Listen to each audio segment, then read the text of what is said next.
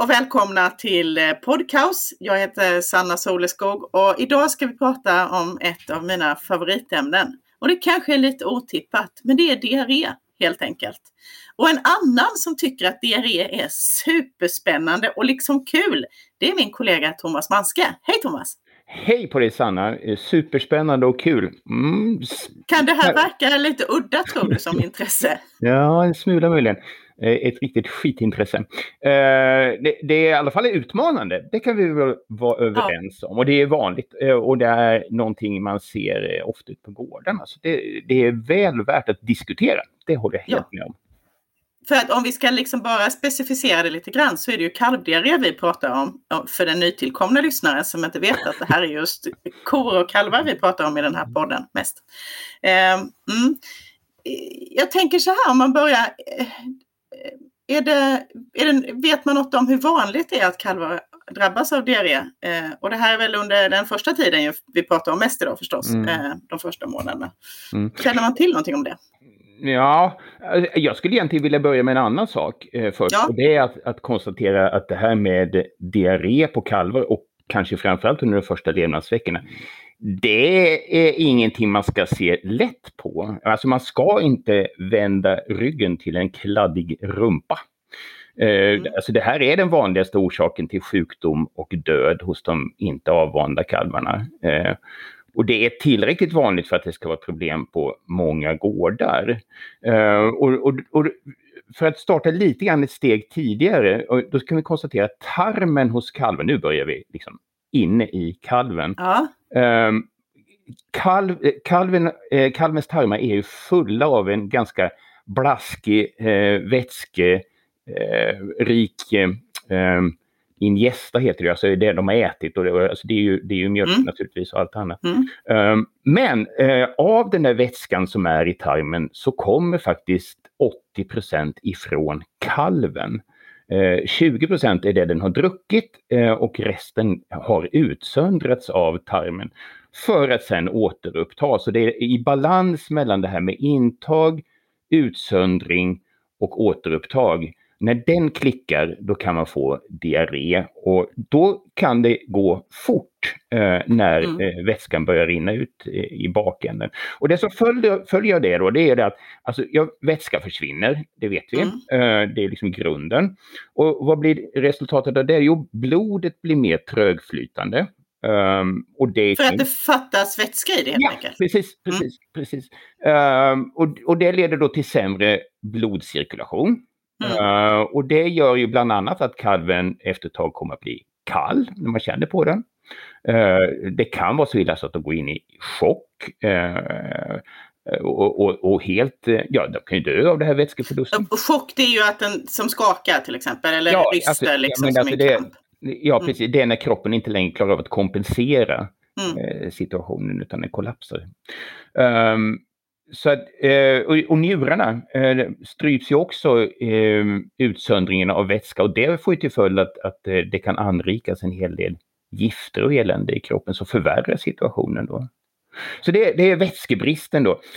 Um, sen, sen, är det ju också, man förlorar ju, det är ju inte bara vätska som försvinner ut i diarrén utan det är ju både näringsämnen men också elektrolyter, alltså salter. Um, mm. Och, då, och då är det viktigaste där att tänka på det är ju natrium. Eh, mm. Och natrium är viktigt för att det är det som håller fast vätskan i kroppen. Alltså natrium, håller det, fast? Alltså ja, det, mm. ja, det binder ju vätskan till, ja. till kroppen och även till tarmen. Då. Mm. Men det är en spännande bild till att börja med det här att tarmen inte är liksom ett, ett rör som har fasta väggar utan att det är ju hela tiden i, i kommunikation med kalvens kropp. Liksom. Det är inte så att vi har en smältning och bara ett upptag av näringsämnen utan Nej, och framförallt inte det att det, det, det är absolut ingen envägsdirektion där, utan det är en balans hela tiden som pågår. Mm. Men jag skulle komma till det också att, att ett, ett, viktigt problem med uttorkningen det är att kalvarna också blir försurade, alltså de får ett sänkt eh, blod-pH. Mm. Uh, ehm, pH i blodet på en kalv ska ju ligga där någonstans mellan 7,35, 7,35 och 7,45. Uh, och börjar det falla nedåt, uh, kommer de ner mot 7, då är de i princip döda. Är det väldigt mm. näst, nästan så. Eh, det första som händer när PO börjar falla det är att kalvarna slutar att dricka. Alltså, mm. eh, sugreflexer och annat upphör. Eh, så då blir de ju genast sämre. Och sen har vi det här med att, att det är som sagt eh, näringsbristen som också blir en konsekvens av diarrén. Um, och det, den där kommer ju dels av att eh, tarmen kan vara skadad och då blir det ingen, för det första ingen nedbrytning av eh, laktosen och mjölksockret. Uh, och det... för, att, för att det inte finns laktas, alltså det är precis, som precis. bryts ner då? Det, det, ja. mm. laktas bildas ju i tarmluddet. Eh, mm. Och så bryter om tarmluddet det ner. är kass om det, om det, så blir det inget. Precis, mm. precis. Mm. Och det där, dels så medför det ju en form av svält eh, och det är ju illa nog. Men sen, sen är, så är det ju inte så att det där eh, laktosen försvinner rakt ut i avföringen i, i rumpan utan den, på vägen dit så passerar den ett antal bakterier i grovtarmen. Mm. Och, och de säger nom nom nom nom nom. Eh, och, så, mm. och, och, så sätter de i sig den där eh, laktosen och börjar bilda eh, en massa eh, metaboliter som vi inte vill ha, eh, som till exempel D-laktat som är en typ av mjölksyra. Mm. Och det ställer till det ännu värre för de här stackars kalvarna. Då. Um, och, och, det där kan, kommer vi säkert tillbaka till, för det är, det är så pass centralt nu, har det visat sig vara mm. det här med, med delaktat. Men sen, men sen um, den sista konsekvensen som jag vill ta upp innan vi går vidare på det här med vanlighet och sådana saker, det är mm. att, att ibland så skadas tarmen så kraftigt att man faktiskt får ett upptag av bakterier in i kroppen och det kan då sprida sig i blodet och ge en massa sjukdom. Det är det vi kallar för sepsis eller blodförgiftning. Ja, just det. Ja, och det är ju på, på, många sätt, på många sätt är det ju samma som på människor. Eh, ja. Att sepsis handlar om gifter i blodet och då handlar det liksom inte om en störd balans längre utan ett gift. Och vi ska gå in på kanske sen vad man kan göra åt det. Men just ja, eh, bakterier i blodet är ju klurigt. Liksom, mm. För att det finns ju ingen eh, disktrasa vi kan trycka in där för att liksom suga upp dem. Utan eh, nej, nej, men då alltså, har vi ett dåligt läge. Ja, bakterier i blodet, då talar vi ju gärna antibiotika. Eh, mm. Mm. Det, är, det är ju egentligen den enda anledningen till att ge antibiotika. Sen är det, så det kanske inte är fullt så himla enkelt. Det, det har gjorts en del eh, ganska nyliga studier där man har visat att det där är inte så vanligt. Tidigare har man trott att, att kanske var tredje kalv med kraftig diarré och allmän påverkan och så vidare har bakterier i blodet. Men det, alltså nu har det gjorts ganska nya studier som visar att det kanske inte är fullt så många, det kanske bara är var tionde. Och då börjar man, och, och då är det ju, de som har det, det är ju framförallt unga kalvar, alltså de första, jag säger upp till 12 dagar kanske. Mm. Eh, det är eh, kalvar som har feber och det är kalvar som är kraftigt allmänpåverkade. Alltså mm. uppfylls de tre kriterierna då kan det finnas anledning att ge antibiotika. Mm. Men annars är antibiotika har väldigt begränsad effekt vid diarré, det kan vi nog konstatera i allmänhet. Mm. Men om vi, ja, ja. Och, och, det är ju liksom det här med varför kalvar får diarré. Om vi backar liksom till, eh, eh, ner till kalvstallet igen så mm. eh, om man nu är djurskötare eller lantbrukare och har kalvar som Alltså för det första så menar du ju det, förstår jag, att det här är liksom viktigt och man ska inte acceptera att alla kalvar är lite skruttiga emellanåt och, och så, utan en, en kalv ska klara livet helst utan diarré de första månaderna. Ja, det får man hoppas. Varför är det viktigt, förutom att kalven eh, ska må bra förstås, alltså välfärden kring det? Vad spelar det för roll för kalvens fortsatta liv? Ja, där finns det både svenska och utländska studier som har eh, kikat på konsekvenserna av att unga kalvar har diarré. Och det, det man ser i de studierna det är att, att eh, de här kalvarna får sen när de växer upp en Ja, vi kan, vi kan ju börja med kalven själv. Den, en, en kalv som har diarré får en ökad risk för andra sjukdomar. Luftvägslidande mm. är ju det klassiska. Ja. Och i kvigprojektet så visade det sig att i princip alla kalvar som hade luftvägslidande hade haft diarré. Lunginflammation med ett annat ord. Ja, av diarré följer lunginflammation. Yes, mm. precis. Och, och, sen, och sen har vi ju allt det här eh, andra som följer med att det blir extra arbetsuppgifter. Det är ett skitjobb mm. i sig och det, det, är inte roligt att se dem och de kan dö. Och, jag menar, och, sen, och sen då eh, det här som också visats att de får en försämrad fruktsamhet, det vill säga de vill inte ta sig dräktiga lika lätt. Eh, och då förlänger man ju uppväxttiden och det medför ju kostnader. Mm. Um, sen, sen, har vi också eh, påverkan på eh, mjölkproduktionen när de väl kalvar in och, och då har det visat sig att man kanske förlorar en alltså någon studie pekar på i storleksordningen 3 till 500 kilo eller något sånt där. Och någon annan studie kanske säger upp till 10 procent. Det är svårt att jämföra de två Mm. uttalen. Men, Men man men kan säga att förutom det rent akuta så påverkar det ju kraftigt kalvens förmåga att prestera eller att fungera framåt. Tillväxten Eh, och trivseln. Ja. Mm. ja. Eh, tror du, skulle du säga att man kan, alltså vi pratade om stora besättningar och små besättningar. Mm. Skulle du säga att man kan ha en, en mjölkproduktion med, säg i alla fall ett par hundra kor eh, utan att kalvarna har diarré någon gång?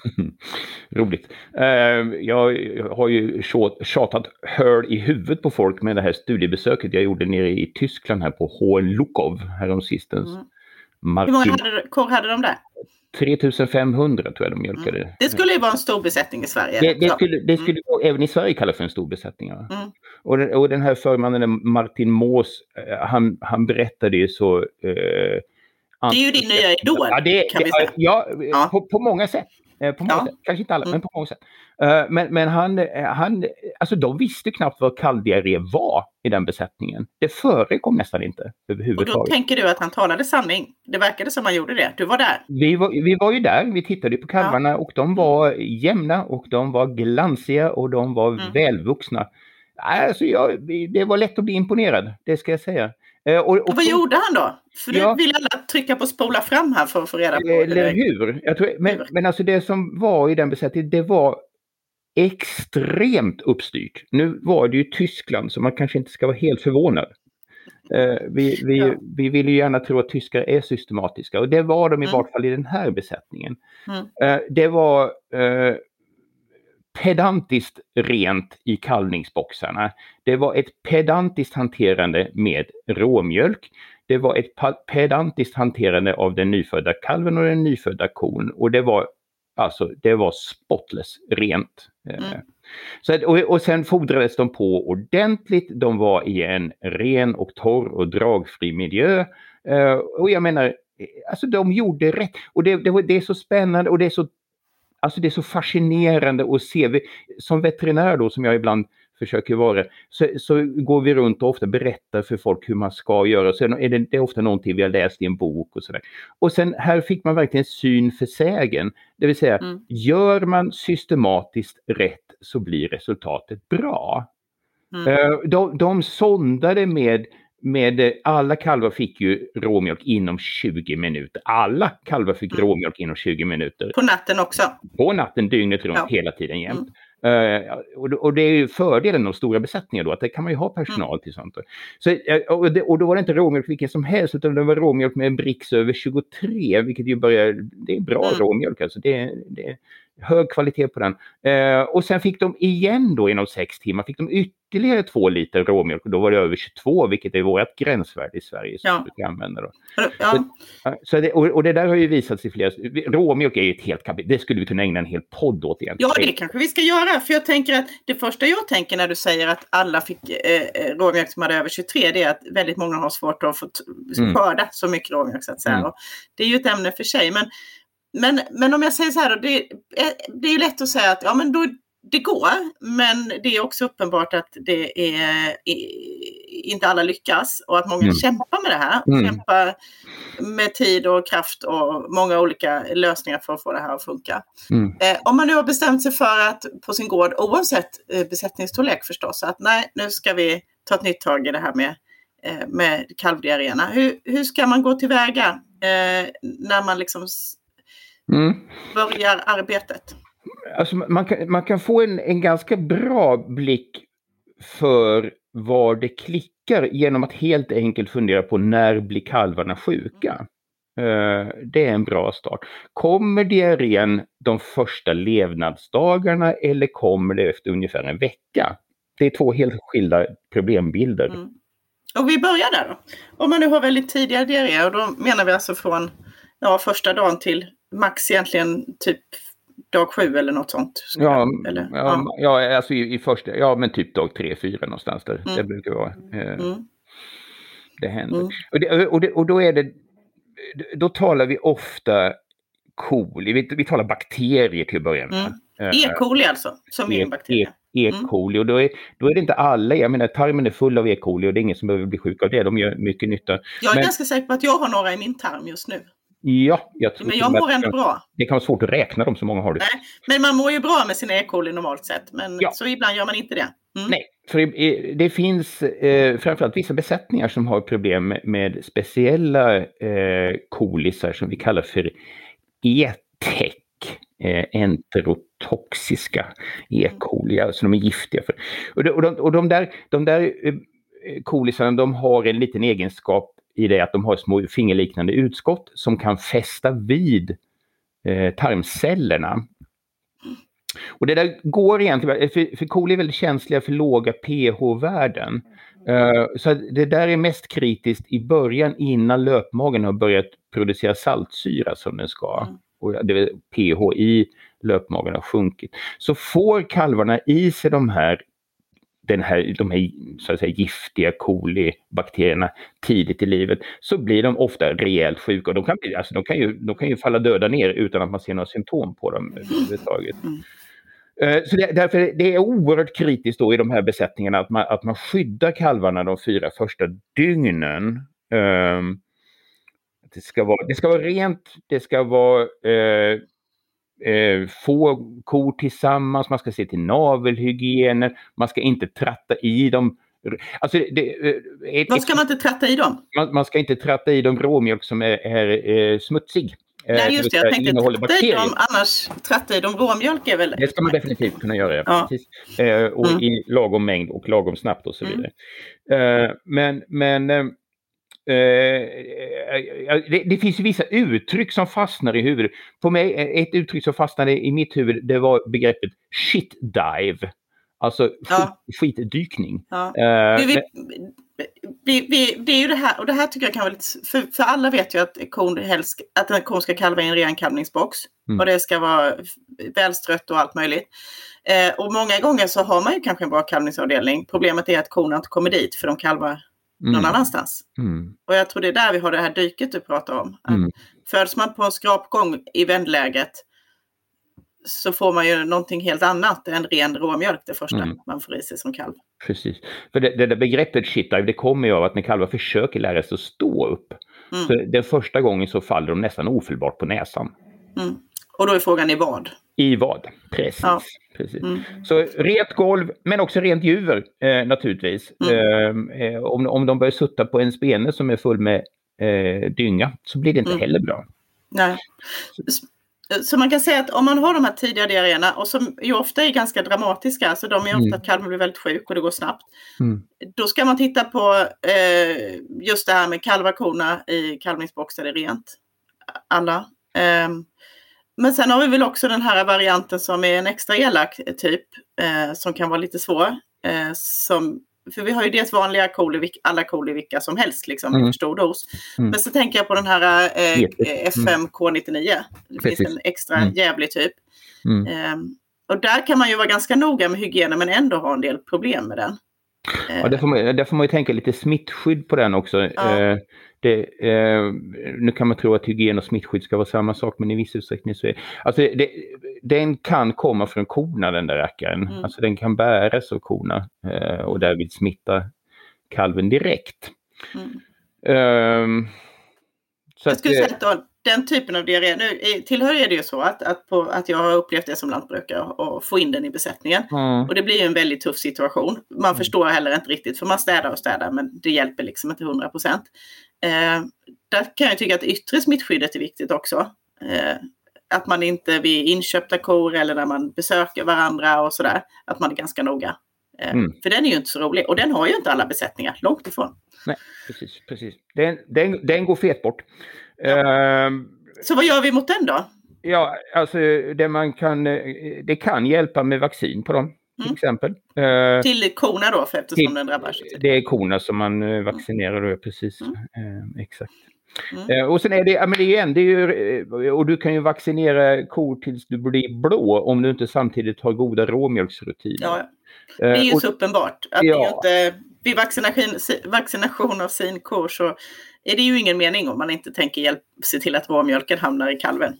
eh, faktiskt får vara kass. Och, och, och, där, eh, alltså igen det där råmjölkspodden. Men alltså det, där är det mm. väldigt tydligt och det gäller ju även andra eh, orsaker till diarré eller andra patogener eller sjukdomsframkallande organismer.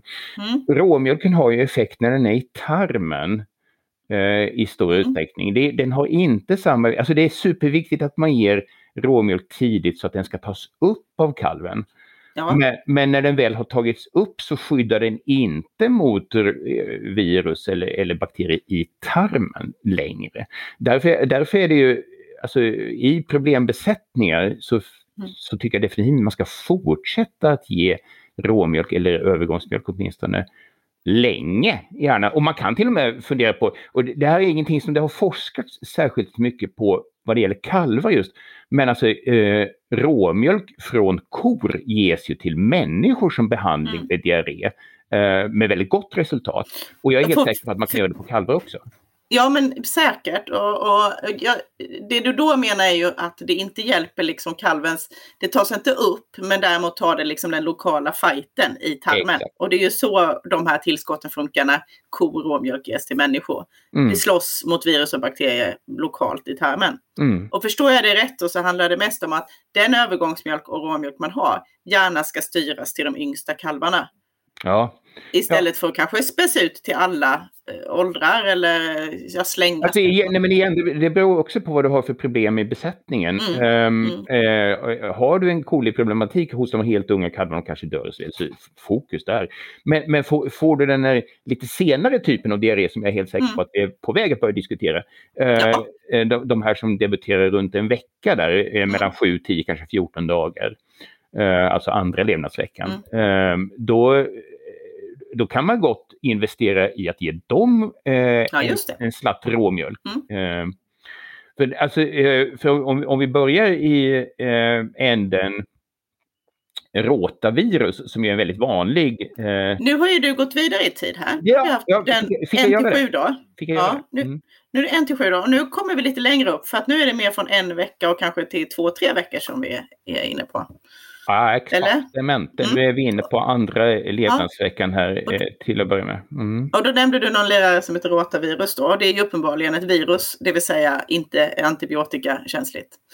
Nej, eh, nej men precis. Eh, och, och, där har vi väl nästan egentligen konstaterat att, att antibiotika det har man inte så himla mycket nytta av. Eh, med bortsett från de här då som är, eh, har fått bakterier in i kroppen. Och var, var kommer rotavirusen ifrån då? Alltså de, de, finns ju i miljön, de där rackarna. Uh, det är en härdig liten uh, bugg uh, eller virus. Den, den, kan överleva sådär kanske ja, uppåt ett halvår åtminstone ute, i, mm. ute i miljön. och den, den utsöndras ju i stora mängder av smittade kalvar. Um. Så det, därmed, eh, och det där för mig att tänka på en annan sak. Eh, det kan faktiskt vara en god idé om man har möjlighet att separera bort eh, smittade kalvar från grupper. Alltså ja, du menar ens som har blivit sjuka? Ja. ja. Just för att de helt enkelt producerar enormt mycket virus yes. till de andra. Yes. För det gör kanske inte äldre djur, för de har ju lärt sig det här lite grann och säga nej till förökning av virus i sin De har lite lättare för att hålla dem i schack, det är riktigt. Ja. Uh, och, och då ska man veta att, att just för de här, den här eh, diarrén som uppträder andra veckan eh, efter födseln, där är det hela tiden en balansgång mellan smitttryck och kalvens mm. motståndskraft. Mm. Och har man då, och, då, och det, är, det är lite trixigt det där, alltså, för, och det, det är väl, det är, det är så lätt att gå vilse i det här med diagnostik. du menar hur, hur viktigt det är? Hur tar man reda på vad man har? Ens? Exakt, och är det, är, det ens, är det ens viktigt att göra det? Eh, jag hade en väldigt intressant diskussion med en av våra duktigaste patologer häromdagen. Vi, en patolog, eh, vad gör den? Den obducerar eh, döda mm. djur till exempel. Mm. Alla patienterna har dött när de börjar? Ja, de kan inte misslyckas på det viset. Eh, Vad sa den där patologen då? Ja, den, den, den, eh, alltså, vi var nog egentligen i grund och botten ganska eh, eniga om att eh, just vad det gäller den här typen av diarréer så spelar det inte så rasande stor roll eh, vilken typ av eh, organismer man hittar i avföringen eller tarmen om de nu har, har dött. För det är inte det som är problemet utan det där är lite mera hipp som happ utan det handlar om det är hur kan man göra kalvarna eh, mera starka och hur kan man se till att miljön är renare.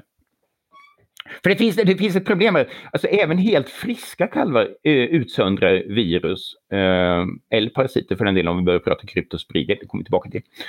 Eh, men, men eh, Ja, du menar man letar, man, om, om jag till exempel skickar in träckprov på ett gäng kalvar så får jag reda på att de har rotavirus och coronavirus, ett annat virus, eh, i tarmen. Så mm. säger det egentligen inte att det är det här som sjukdomsproblematiken beror på. Utan det, det talar bara om att Mm. De har rotavirus och coronavirus.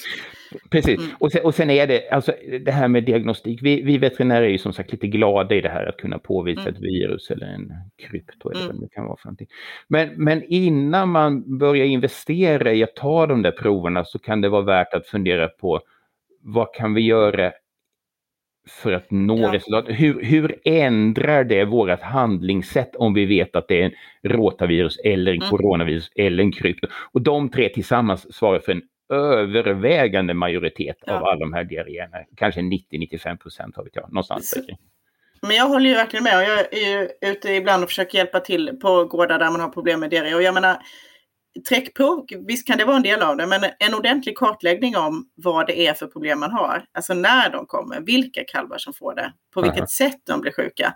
Eh, och givetvis som hur rutiner och så ser ut, är ju väldigt mycket mer värdefullt. Mm. Eh, faktiskt. Precis. Eh, tillsammans med möjligen en, också tycker jag en bra diagnostik, det är uppföljning av, eh, av, av hur eh, man hanterar det här med råmjölk, alltså att man faktiskt kan se på kalvarnas med blodprov på hur råmjölksrutinerna fungerar eh, på riktigt. Mm. Liksom. Det kan vara viktigt. Men mm. träckprov är ju lite sådär, eh, lösningen är ju ungefär samma nästan för dem. Ja. Eh. Det, det, blir ju det. det, blir ja, det. Ja. Uh, och, och, och råta det är också en sån här eh, klockrent exempel på att, eh, att råmjölk funkar i tarmen. Mm. För de, de, de, där, alltså de, de slår ju till. Jag menar, fortsätter man att ge kalvarna mjölk, eh, mm. helmjölk eh, och, och, och, gärna då från, från eh, alltså rent hypotetiskt, som man ger från samma ko.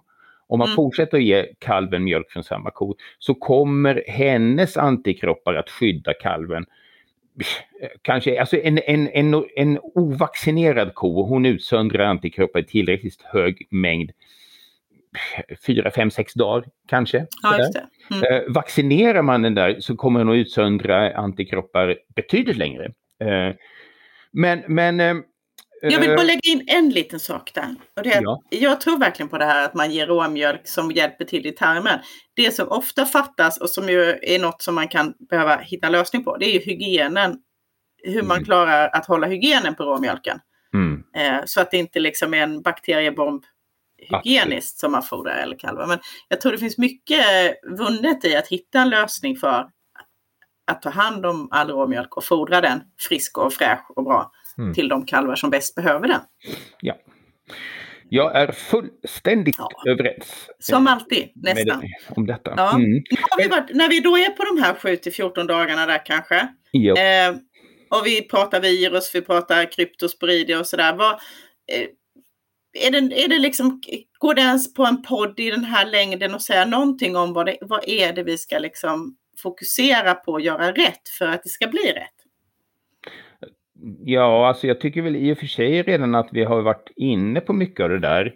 Är det eh, din tyska vän nu igen som, som ja, eh, gjorde dem? Han spökar lite grann. Alltså det, ja. det eh, eh man, man, kan fråga sig vad, vad, är, vilka är det som är motståndarna här? Vilka är det vi kämpar mot ja. eh, när det gäller kalvdiarréer? Och då vill jag nog nästan påstå att det är oss själva i första hand. Ja, det kan vara så. Mm. Det, det, är våra rutiner mm. eh, vad det gäller råmjölk, vad det gäller hygien, vad det gäller smittskydd. Mm. Eller för den delen, alltså vad det gäller de högdräktiga korna. För alltså ja. kalvens liv startar ju i kon och tar vi inte hand om henne då får ju kalven en väldigt dålig start också. Eh, ja. Och det har ju, för att knyta an till tidigare poddar som vi har spelat in, det har ju visat mm. att kor som utvecklar kalkbrist eller får ketos, mm. deras kalvar är i sin tur mer benägna eh, att bli sjuka, till exempel de diarré. De föds sämre helt enkelt. De, ja. de föds sämre, precis. Så det, det, det, det startar ju redan under dräktigheten. Eh, mm. det hela. Och, sen, och sen går det framåt. Och där är det eh, eh som sagt hygien, smittskydd, men sen också utfodring. Och det är ju, det är ju egentligen ditt, din kärnkompetens. Ja, ja, men alltså generellt sett är det ju liksom att man utfodrar med tillräcklig nivå. Vi har ju tyvärr en väldigt tråkig, fortfarande, den, den, den börjar ju släppa, men det finns ju en tradition av att liksom två liter mjölk två gånger om dagen, det är en vettig kalvutfodring. Mm. Och det är ju svält egentligen, alltså det är mm. alldeles för lite. Vi vill ju att kalven ska växa ett kilo om dagen, eller i alla fall eh, fördubbla, ja, och då fördubbla sin eh, födelsevikt. Då är den ju liksom stark och i god ordning. Och det, det kan man absolut uppnå. Eh, sen är det ju rutiner kring utfodring. Alltså, eh, jag upplever ju att man, en sån där sak som är lite eh, kanske människovälfärd och djurvälfärd, det är att det ju kan gå väldigt lång tid mellan eftermiddagsfodringen och morgonfodringen till exempel. Och det är ju ingen fördel. Eh, det blir en belastning på den lilla kalven förstås, särskilt de yngsta. Eh, så det finns ju mycket kring utfodringen att diskutera och mm. göra rätt. Liksom. Fasen, där har vi en podd till vet du. Ja. Det, ja. Eh, och sen, sen tänker jag mycket på det här med smittskydd som du sa, för att jag upplever att många tycker att på stora besättningar så kan man inte, eller det går inte att klara sig utan, eller liksom det blir kalvar som får diarré. Och där är ju liksom, vi har ju olika utmaningar. På en liten besättning så blir ju aldrig smittskydd, smitttrycket lika högt. Mm. Eh, och särskilt inte om vi går till nivåer av att man, inte, man har perioder utan kalvningar. Då är det klart att då blir ju inte smitttrycket lika högt. Och där tänker väl jag att det är så viktigt att se att 100% av kalvarna måste få bra med råmjölk. 100% av kalvarna måste få vara starka och väl utfodrade och väl skötta. För annars blir de sjuka och skiter ut mängder med virus som drabbar de andra. Ja. Och det där ser jag ju ofta hur man liksom, man kämpar men samtidigt finns det någon svacka i att kalvar som föds på natten eller kalvar som föds på helgen eller det blir inte hundra. Och då, då blir ju smittrycket eh, orimligt. Och då kan man ju komma till en nivå där det faktiskt är eh, kanske inte går eh, då. Eh, mm. Att hålla en, en bra nivå. Du, du var ju inne på det här med att testa eh, kalvarna för deras eh, passiva immunitetsstatus, det vill säga hur mycket råmjölk de har tagit upp och hur mycket antikroppar Ja, lite så. För att liksom, man kan ju ha olika råmjölksrutiner. Du berättade om din tyska vän där som hade en eh, rutin. Andra kan ju tycka att de är nöjda med sin rutin. Och då är det ju ett sätt att liksom checka av. Ja, men det jag gör fungerade. Mm. Liksom. Eh. Precis, och det, och det där kan man då tolka på både på besättningsnivå och på individnivå. I princip så skulle ja. man ju faktiskt kunna anpassa skötseln av de kalvar som har dåligt ja. passivt immunförsvar. Ja. Nu, nu, nu, har jag ju kanske lite svårt att tro att det är speciellt rationellt att göra på det viset. Och i, Nej, fast det finns en, det, det, dels testningen, men också faktiskt så ser ju jag, det är väl för att jag själv har provat den när vi hade det som värst med kalvdiarré, det är många år sedan nu. En kalv som inte kunde få vaccinerad råmjölk av den ena eller den andra anledningen, eller en som föddes under sämre omständigheter, det händer ju. Mm. Alltså, den fick inte flytta in i gruppbox de första veckorna. Nej, nej, just det. Men börjar man se det så, för det är en ganska utmanande bild, att alla som inte föds under goda omständigheter får inte gå i gruppbox. Då sätter det också ljuset på lite, hur funkar våra rutiner? För då kommer ibland frågan, ja var skulle alla de bo då? Mm. Eh, mm. det ska ju helst vara ett fåtal. Men, men det tror jag egentligen är verkligen en sån här genväg till god kalvhälsa. Det är att man plockade bort dem, alltså inte avliva, utan att de sitter, de bor själv. De har sin bajs för sig själv de första veckorna. Mm. Ehm, det sätter också ljuset på hur många det är. Mm. Precis. Och, och, eh, bara för att upprepa det du sa, för det du gör i det läget är att du både gör det lättare för dem och skonar de andra.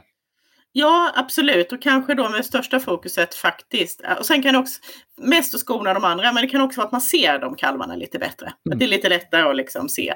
Eh, de försvinner inte i grupper riktigt på det viset. Men, eh, men det tycker jag är en sån tanke man kan, man, eller en fråga man kan fråga sig. Skulle man kunna göra så?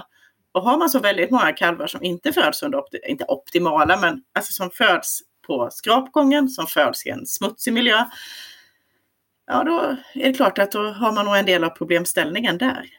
Precis, och då kan vi mm. knyta mm. tillbaka till där vi egentligen mm. började, det vill säga hur vanligt är det med diarré? Mm. Och, och den, den, frågan kan ju egentligen bara besvaras med vad menar man med diarré och det har vi varit inte mm. inne på. Men mm. eh, det, jag läste för inte så länge sedan en, en artikel om en stackars doktorand som de hade skickat ut i ett antal besättningar. Så hon hade gjort 12 000 kalvhälsobesöksdagar Eh, alltså, eller sett 12 000 kalvdagar. Ja. Hon besökte dagarna, eh, kalvarna varje dag från det de föddes till de var fyra veckor gamla. Ja. Eh, och det visade sig eh, att i de besättningar som hon besökte så hade 85 procent av kalvarna diarré vid minst ett tillfälle. Alltså var lösa i avföring vid minst ett tillfälle. Alltså inte, inte nödvändigtvis mycket sjuka men Nej. Eh, en svacka liksom. Mm. En svacka eh, med lös avföring. Eh, en tredjedel av kalvarna hade tillräckligt mycket diarré för att de skulle bli uttorkade eh, och mm. därmed mm. sannolikt också få negativa mm. konsekvenser. Så det är rätt vanligt ändå. Eh, ja. Det är det. Eh, mm. Det måste man säga. Har, ja. Eh, och, och, man kan säga då att nu har vi varit på de små kalvarna och E. coli det, och sen har vi varit på rotavirus, coronavirus och kryptosporidia. Mm. Och kryptosporidia tycker jag känns lite modernt på så vis att det tycks öka. Det var bara en uppfattning jag nu har, vilket säkert har att göra med större besättning och smitttryck kanske. Mm. Mm. De borde ha det svår, haft det svårare för. Um, och kryptosporidia, kan inte du berätta? För de är så, jag tycker de är ändå kan vi säga imponerande, en imponerande livsform. Ja, alltså då har vi ju gått ifrån eh, virus och bakterier till parasiter faktiskt. För det här är ja. ju det är en lite levande organism det här eh, i sig, ja. en protozoo. Inte ett djur. Ja, det, är, ja det är ju, vi, vi kan ju ta det på en lång podd om huruvida vad de är egentligen. Men, men det är i alla fall inte ett virus och inte en bakterie. Nej, det är en parasit. parasit. Eh, mm. och, det, och den fortplantar sig. Och det, det fiffiga med den här kryptosporidien om man jämför med väldigt många andra, eller fiffiga, problemet med den är, är att den behöver inte utsöndras och mogna utanför kalven utan den är smittsam direkt i kalven. Eh, mm. Det vill säga eh, kalven smittar sig själv. Mm. Och, och, och det där ehm, Eh, det, det, är dramatiskt, eller det kan vara dramatiskt. Det är väl egentligen en av de mest dödliga. Alltså det är lite ranking. Eh, Rota är typiskt sett ganska milt, Corona är typiskt sett lite värre och sen krypto där de faktiskt har tydligt ont, många kalvar och kan dö av det också. Mm. Sådär, ja. Så det är krypt, krypto är ju det som jag är så imponerad av den livsformen, det är ju att de har verkligen tänkt ut hur de ska klara sig utanför kalven så att de ska kunna infektera andra eh, sen. Alltså det är en... Duktigt härdiga. Mm. De är duktigt härdiga i att de lägger sig i den här spårformen eh, som gör att det krävs ganska få mm. Eh, för att sen bli jädrigt många och ställa till problem. Och där, har, där har vi ju diskuterat eh, ganska intensivt hur kan man hantera de där rackarna när de finns i miljön? Ja. Eh, och för det, där är det så att, att, vanliga desinfektionsmedel har ganska dålig effekt. Mm. Eh, mm eh, peroxidbaserade desinfektionsmedel kan ha effekt. Då börjar vi lite grann vad som är tillåtet också tyvärr, vad som är mm. godkänt enligt eh, mm. eh, mjölk, i mjölkbranschen då. Eh, så är det, de är ju skittuffa. Eh, och en av de sakerna som fungerar, och det kan ju vara värt när vi nu går mot sommaren då, om vi får sol och så igen, det är ju att ett par, en, en rimligt lång tid, i alla fall någon vecka, uppe i UV-ljus, alltså i solljus. Eh, mm. Det, det knäcker ju faktiskt en krypto. Liksom värme. Så att Vik, ja, så att vika upp hyddorna mot solen när de får, torka. Och då måste de ju vara tomtid. Och sen är det ju då det man också gör då i många länder med att, att flamma med en gasbollbrännare. Mm. För eld, klar, sån värme klarar de ju inte. Eh, däremot så klarar de ju vanlig vattentvätt. Ja. Och faktiskt hetvattentvätt ganska bra också för det är svårt mm. att komma upp i den. Och jag tycker det är liksom orättvist och lite taskigt att många tvättar sina hyddor och sina boxar jättefint och tycker att de har gjort ett bra jobb och det har de ju. Men kryptosporiderna, hade de haft en mun så hade de bara skrattat. Ja. Eh, ja. Eh, och det är grymt. Ja, det är grymt. Eh, ja. Mm. Mm. Mm. Nu har vi pratat om den första tiden på kalvarna, den första veckan och sen lite senare. Sen är det nästan så att det är en, en annan podd det här med, med de som kommer liksom ännu senare. Utan det är väl egentligen de här mm. ja, fyra som är eh, Ja, alltså, det, det, finns ju en hel vi har ju inte ens nämnt salmonella, men det kanske man inte ska göra. Vad heter det? Eh, man blir så till mods. Man blir så illa till mods. Ja. Och, och, en sak som vi, inte, som vi har sagt, men som man kanske inte räknar in, det är ju rent alltså, foder, utfodringstekniska, eh, jättestor variation, felblandning, eh, dålig hygien, alla de bitarna givetvis. Eh, mm. Som man måste säkra upp. Ja, dels för att de är problematiska i sig men också för att de banar väg för så ja, mycket annat. De öppnar ju dörren, ja. verkligen, för allt annat. Mm. Och där, där har vi också din gamla eh, favorit, eh, bollrännan. Eh, ja, just det. Som, att som... kalvar när de dricker eh, viker upp eh, eh sin lilla stupränna så att mm. mjölken åker förbi vommen. Eh, otroligt smart. Jag tänkte bara, för att det är så fruktansvärt spännande. Du sa precis i början att kalvar blir sura i blodet och det kallas ju acidos. Mm. Eh, och det kan de bli liksom ledsna och eh, tappa sugreflex och bli allmänt eh, deprimerade av. Eh, så. Mm. Men sen är det här jättespännande med det här med laktosen och, och det. Eh, mm, och det olika, ja. laktat, eh, mm. sidos. Kan du inte, bara för att det är så superfräckt, vad är det som händer då?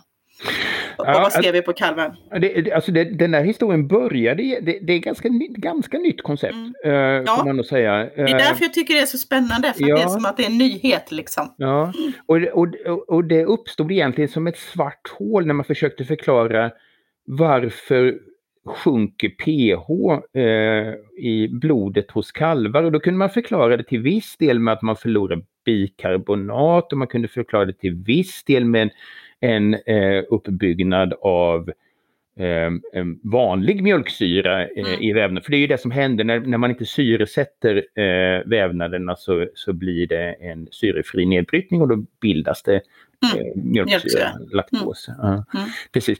Men, men ingen av de här eh, modellerna, och, och sen tittar man på olika joner, eh, hur de balanserar mot varandra som också styr pH. Då.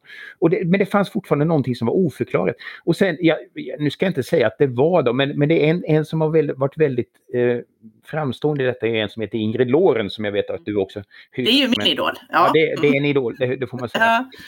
Men då, eh, hennes labb eh, var väldigt tidigt ute med att, att påvisa att det här svarta hålet det bestod i stor utsträckning av det som kallas för delaktat då. Eller, mm. Och det är egentligen en spegelbild av vanlig mjölksyra. Alltså mm. molekylen är, är mm. vriden ett häpp.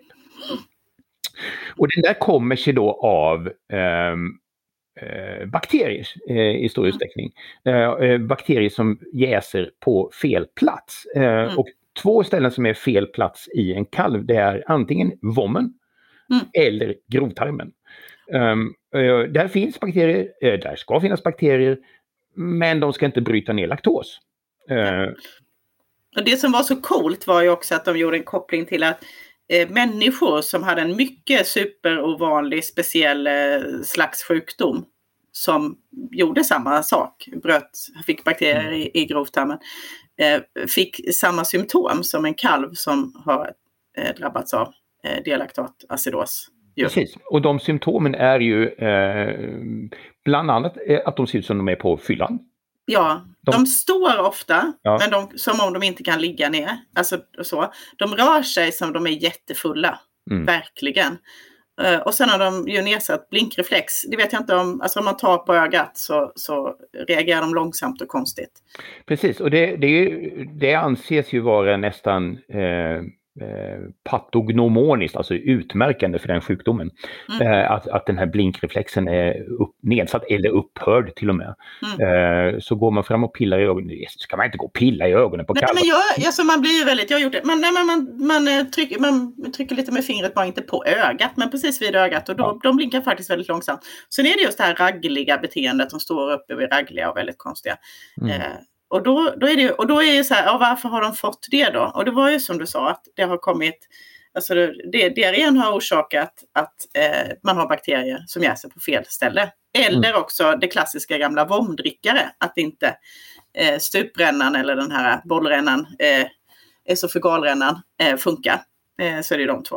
Eh. Precis, och där, där diskuterade vi ju eh, faktiskt med eh, Ingrid Lorenz bland annat det här med att sonda mjölk. Ja. Som uppenbarligen fungerar i vissa besättningar och i viss utsträckning, men eh, som det frånråds för att göra systematiskt. För att man ökar risken för eh, till exempel då delaktotacidos. Och då pratar vi ju sonda mjölk senare, alltså inte rå mjölk. Det nej, har inte med det att göra. Rå, nej, det, nej, att sonda mjölk det, där kommer ju den då problematiken. Mm. Eh, och det, sen är det med delaktotacidos. Vi skulle gärna vilja ha en medicin mot det. Ja. Det har vi ju inte. Nej tack. Eh, utan där, mm vad jag förstår så handlar det ju helt enkelt om att hjälpa kalven att stå ut medan den själv klarar av det. Ja, och sen, och sen korrigera allt annat. Eh, ja, givetvis. Ja, med elektrolyter och ja, för, Laktaten mm. den, eh, den metaboliseras och försvinner i kroppen efter ja. en viss tid. Eh, så att, mm. se bara till att det inte kommer mer. Nej, mm. och hjälpa den över det liksom. Men ja. det finns ju ingen magisk eh, dryck Nej. eller så tyvärr. Mm. Eh, vi har ju pratat mycket om vad diarré beror på och varför det är viktigt och så. Sen är ju då, eh, hur det nu än är, hur mycket förebyggande man än jobbar så många har mycket bekymmer med diarré och man kanske får någon i alla fall.